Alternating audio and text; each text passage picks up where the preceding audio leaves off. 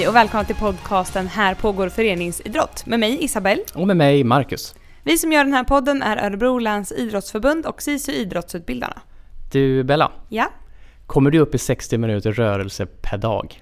Åh, var du tvungen att ställa den frågan? Mm? Eh, vissa dagar gör jag det och vissa dagar gör jag nog inte det. Nej, det ser nog likadant ut för mig. Jag har, jag har bekymmer att komma upp i 60 minuter per dag. Men vi är inte ensamma om det här. Eh, det finns forskning som visar att 22% av flickorna och eh, 44% av pojkarna kommer upp i 60 minuter per dag. Övriga gör det inte. Oj, det var lågt. Ja, det är inte, det är inte så många. Eh, Det som är positivt det är att det finns ett nationellt projekt just nu som går in i skolorna och ska åtgärda det här och få igång mer rörelse i den samlade skoldagen. Mm. Och hos oss kallar vi det projektet för rörelsesatsning i skolan. Och det är som du sa nationellt. Och Marcus Edin är vår gäst i detta avsnitt och han jobbar med det här och kommer berätta vad det innebär.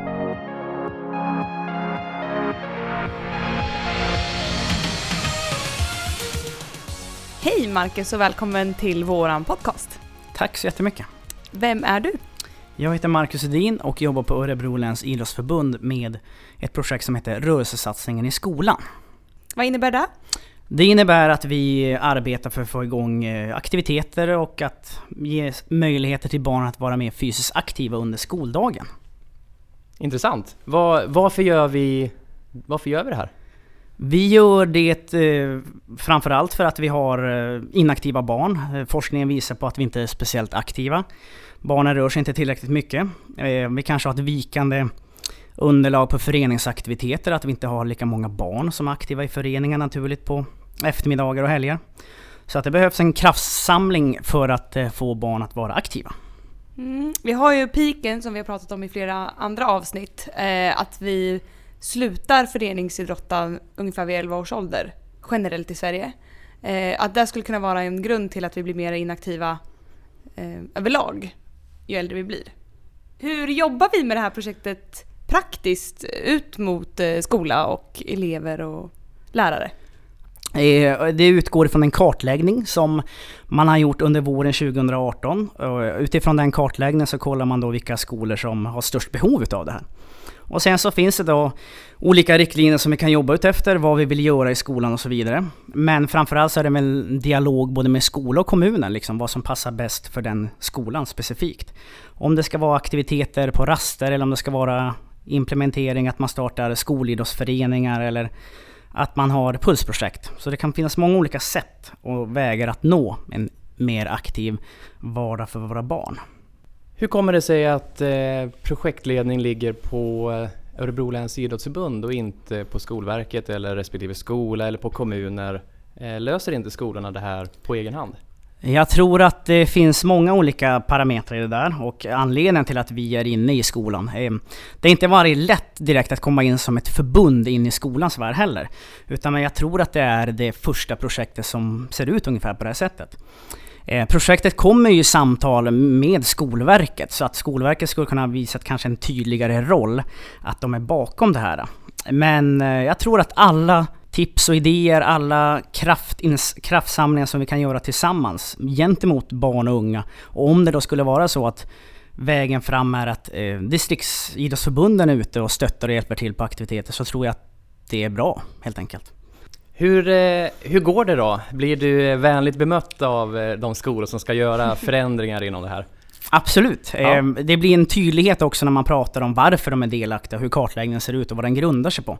Eh, Självklart så finns det intresse och att de är intresserade och vill ha hjälp och stöttning. Det kanske är lite eftersatt område. Rastaktiviteter när vi själva var små var ju ganska naturliga att vi var ute och rörde på oss. Och vi pratade lite grann om eh, föreningsaktivitet och pucken här vid 11-årsåldern. Men jag tänker vi har ju byggt också ganska mycket hinder för barn att vara aktiva med tanke på allting som funkar med växer fram med internet och sociala medier och så vidare. Så att leken är inte lika naturlig som den var förr. Så att eh, självklart så är det så att de tycker att det är bra och önskar såklart en stöttning de kan få. Oavsett vad det gäller. Just det. Mm. Hur ser dröm, drömskolan ut då? Vad, vad behöver man göra för att få eh, barnen mer aktiva under skoldagen? Oj, eh, svår fråga. Det handlar om väldigt många olika delar tänker jag. Vi behöver ta ett krafttag också och skapa rörelserika miljöer på skolorna. Och där blir ju fastighetsägarna väldigt, väldigt viktiga. Eh, vi ser ofta ganska slitna skolgårdar och då klart det inbjuder inte så jättemycket till aktivitet. Men jag tror att det handlar väldigt mycket om att man bygger eh, lokal eh, kunskap, alltså lokal kännedom på skolorna. Ja, använder sig av de personerna som är närmast de barnen som är på skolan. Det vill säga att man använder de pedagoger som finns i verksamheten som barnen känner sig en trygghet med. Eh, alltså en kunskapsutbyte eh, och erfarenhetsutbyte tror jag är jätteviktigt så att vi får använda oss av den mest kompetenta personalen och det tror jag att det är personalen på skolan som känner barnen. För jag tror inte vi får, får fler inaktiva barn naturligt att röra sig ifall vi plockar in folk från andra håll och kanter. Jag tror att det är viktigt att det är pedagoger de känner.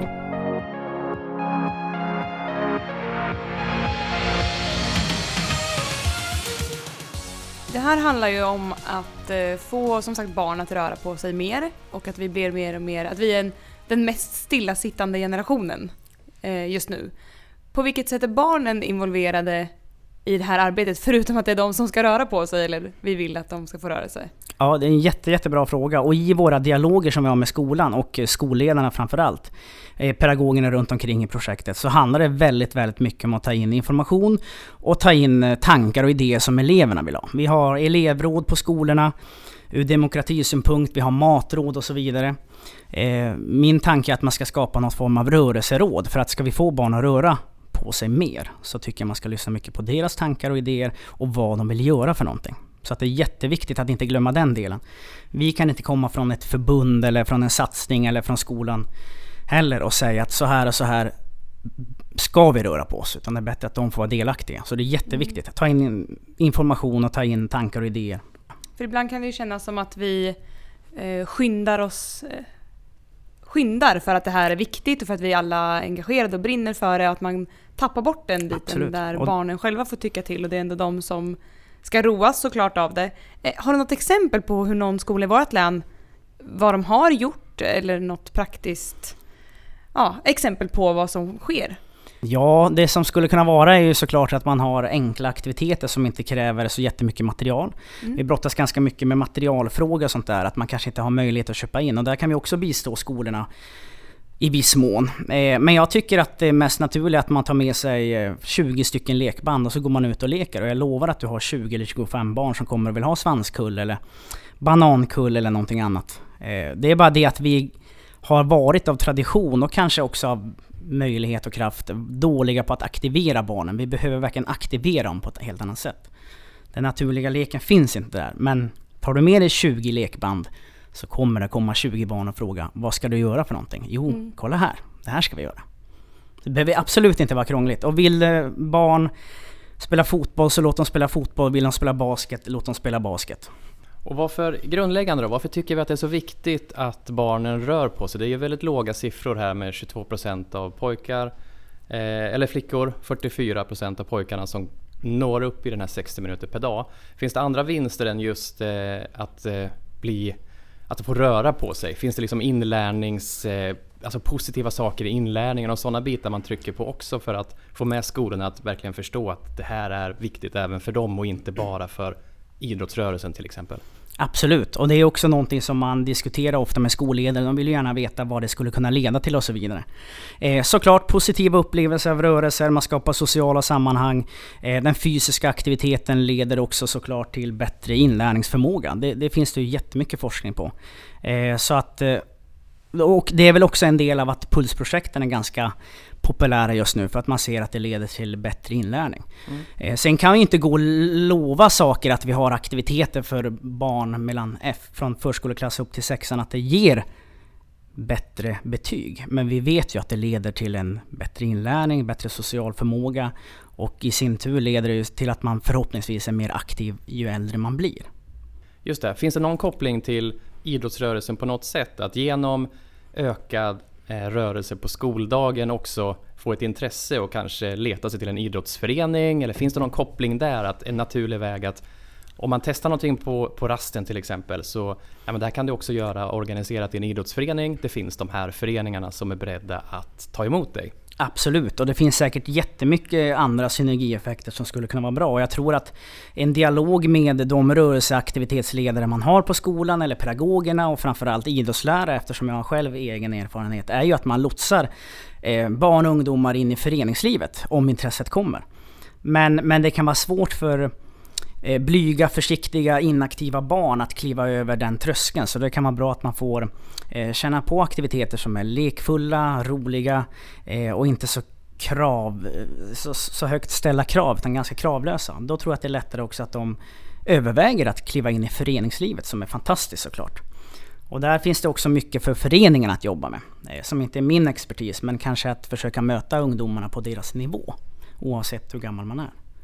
Mm. Är föräldrarna medvetna om vad som sker eh, i det här projektet? Liksom, att de också får, får information om hur tankegångarna är och kanske aktivt hjälper sina barn att hitta en, en fritidsaktivitet också? Absolut. Vi, vi erbjuder även eh, såklart föräldrainformation när vi är ute och pratar på våra skolor och sen när samarbetet börjar bli eh, längre gånget så kommer vi även delta på föräldramöten vid behov såklart. Men vi är tydliga med att vi vill att skolledaren i form av informationsbrev eller att vi gör det meddelar att skolan ingår i en rörelsesatsning. Eh, så att man kan prata om det hemma också. Avslutningsvis, Eh, hur långt har vi kommit? Var ligger vi nu i projektets gång om man ska se till Örebro län? Mm. Ja, förhoppningsvis så har jag aktiviteter igång från och med vårterminen 2019. Eh, som ska vara mer styrda och vi kommer givetvis under våren där fortsätta med lokala träffar på skolorna och skapa nätverk. Så att jag är ute på skolorna ganska mycket och träffar de pedagoger som det rör och så vidare. Och projektet har en fortsättning så att eh, det kommer sträcka sig över hösten 2019 också. Spännande! Vi ser fram emot att se vad det kommer leda till och hoppas på mer aktivitet i skolan bland våra unga. Ja, det är ambitionen. Det ska bli jättespännande. Ja, Tack så mycket för att du ville vara med i våran podd. Tack för att jag fick vara med.